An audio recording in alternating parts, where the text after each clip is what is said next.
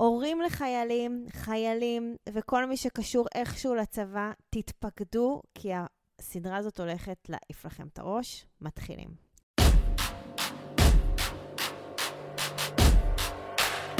ברוכים הבאים למדברים השקעות עם עמית ואגר.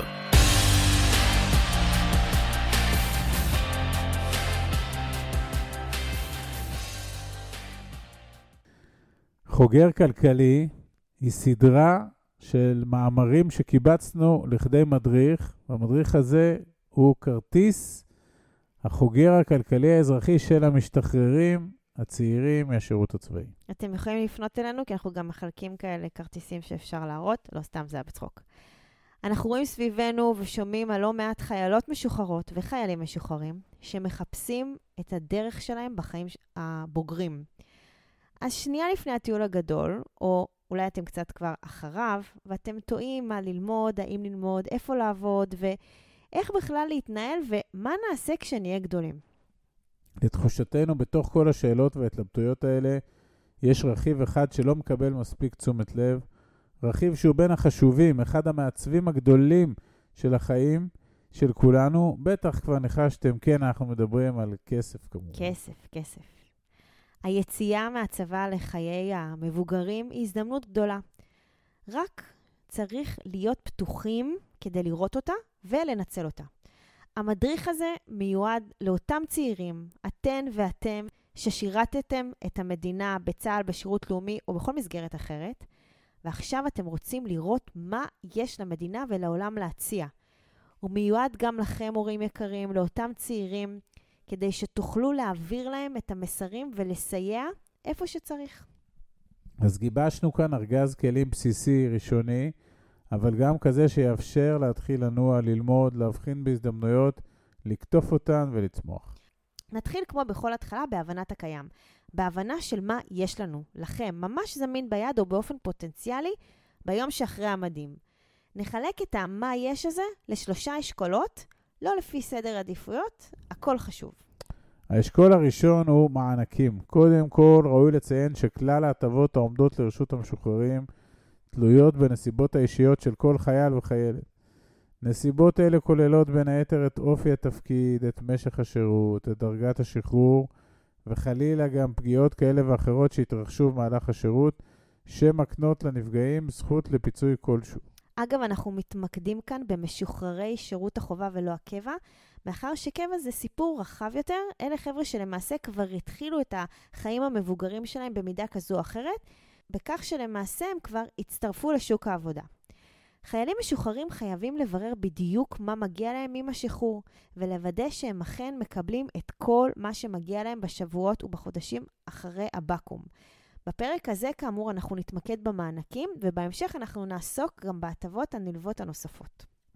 אז נחזור למענקים. הרכיב הראשון והמיידי של אשכול המענקים הוא מענק השחרור. כל צעיר וצעירה שסיימו שירות חובה בצה"ל, או בגוף ביטחוני אחר, או בשירות הלאומי, כל אלה זכאים למענק שחרור, סכום כסף שהם מקבלים ישירות לחשבון הבנק שלהם, בדרך כלל תוך חודשיים מיום השחרור. כמה כסף? הסכום הוא נגזרת של מספר חודשי שירות ותלוי גם בשורה של מאפייני השירות, לוחמים, תומכי לחימה וכדומה. סדר הגודל של המענק הוא מאות שקלים עבור כל חודש שירות, בין 200 ל-600. כלומר, לוחם שסיים שירות חובה בין 32 חודשים, יכול להסתכם בקבלת סכום של כ-20,000 שקלים. הרכיב השני הוא פיקדון אישי. המדינה מעניקה לחיילים משוחררים ולמסיימי השירות הלאומי סכום כסף שמשתנה ושנגזר גם הוא, בדומה למענק השחרור, מאופי השירות וממשך השירות. מימוש של הפיקדון במהלך חמש השנים שחלפו מאז השחרור מיועד לאפיקים מסוימים בלבד, לימודים, דיור, חתונה, הקמת עסק או לימודי נהיגה. לאחר חמש שנים ניתן לקבל את אותו הסכום ללא צביעה שלו למטרה מסוימת, גם כאן המפתח לחישוב הסכום הכולל הוא סכום לכל חודש שירות שנע בין 300 ל-900 שקלים, כפול מספרי חודשי השירות. הרכיב השלישי של המענקים רלוונטי למי שמחליט שהוא בשל להתחיל לימודים אקדמיים, זהו נושא המלגות, או המלגות בעברית אה, תקינה. יש לא מעט עמותות וארגונים בארץ ובחו"ל שישמחו להעניק לחיילי צה"ל בדימוס קרש קפיצה לאזרחות בדמות מלגת לימודים כזו או אחרת. לסיכום הסקירה הקצרה של אשכול המענקים, ניתן לומר שחיילים משוחררים, חשוב שתבדקו טוב טוב את כל אפיקי ההכנסות האפשריים מול המערכת שממנה הגעתם. כל יחידה והמענקים שלה, כל יחידה והתומכים שלה, אל תתביישו ואל תימנעו. נתתם מעצמכם לא מעט, וזו לא בושה גם לקבל. עכשיו נעבור לאשכול השני של בירור המה יש, אשכול שאפשר לכנות אותו איתור הכספים. הכוונה כאן היא לכל סכום כסף שחסכתם או שחסכו עבורכם לאורך השנים. פקדונות וקרנות שאימא ואבא או סבא וסבתא דאגו שיהיו לכם חיסכון לכל ילד של הביטוח הלאומי, סכומים שחסכתם מעבודה כמדריכים בקייטנה או כמורים פרטיים או כבוני אתרים בקיץ שבין י"א לי"ב. בקיצור, כל סכום כסף שקיים על שמכם שמיועד לכם, זה הזמן לכל הפחות להיות מודע אליו, להבין מה היקפו, אם ואיפה הוא מושקע, והאם הוא עובד עבורכם. חוץ משיח אה, חשוב כמובן עם ההורים, המיפוי הזה של הכסף יכול להתבצע גם, גם על בסיס בדיקה באתר ממשלתי חשוב שנקרא הר הכסף. זהו בעצם מנוע חיפוש של כסף, של חסכונות שונים, והוא מאפשר לנו לאתר את המקומות שבהם יש כספים על שמנו, למשל בקרנות uh, גמל, קרנות השתלמות, בביטוחי חיים וכל מיני חשבונות בנק שאולי אבדה דרכיהם או הדרך שלנו אליהם. ואפרופו חשבונות בנק, האשכול השלישי של בירור השטח הפיננסי הוא חשבון הבנק שלכם, זה שכנראה פתחתם לפני כמה שנים. הגיע הזמן להבין לא רק כמה כסף יש לכם בראש, אלא באיזה מסלול בנקאי אתם, איזה תנאים בנקאיים יש לכם, כמה עמלות אתם משלמים על הפעולות השונות, לאיזה הלוואות הבנק יכול לתת לכם. חובות טובים שמנותבים לצמיחה פיננסית ולא חובות רעים שקשורים לעולם הצרכנות, ועוד ועוד ועוד דברים שמסתתרים בתוך חשבון הבנק שלכם. את התשובות לכל השאלות האלה תוכלו למצוא כמובן בשיחה עם פקיד הבנק או באזור האישי בבנק, אבל גם במסמך חשוב מאוד שהבנקים בישראל מחויבים להנפיק לכל הלקוחות מדי שנה. מסמך שנקרא תעודת זהות בנקאית. זה מסמך הכולל את כל המידע שיש לבנק עלינו כלקוחות. כלל המהלכים הפיננסיים שביצענו במהלך השנה החולפת, מצב החשבון שלנו נכון ל-31 בדצמבר של אותה שנה, הנכסים שלנו, חשבון העו"ש, חסכונות ופקדונות, ומעולם ההתחייבויות, הלוואות וכרטיסי אשראי. גם תוכלו לראות שם ריביות, עמלות ועוד כמה דברים.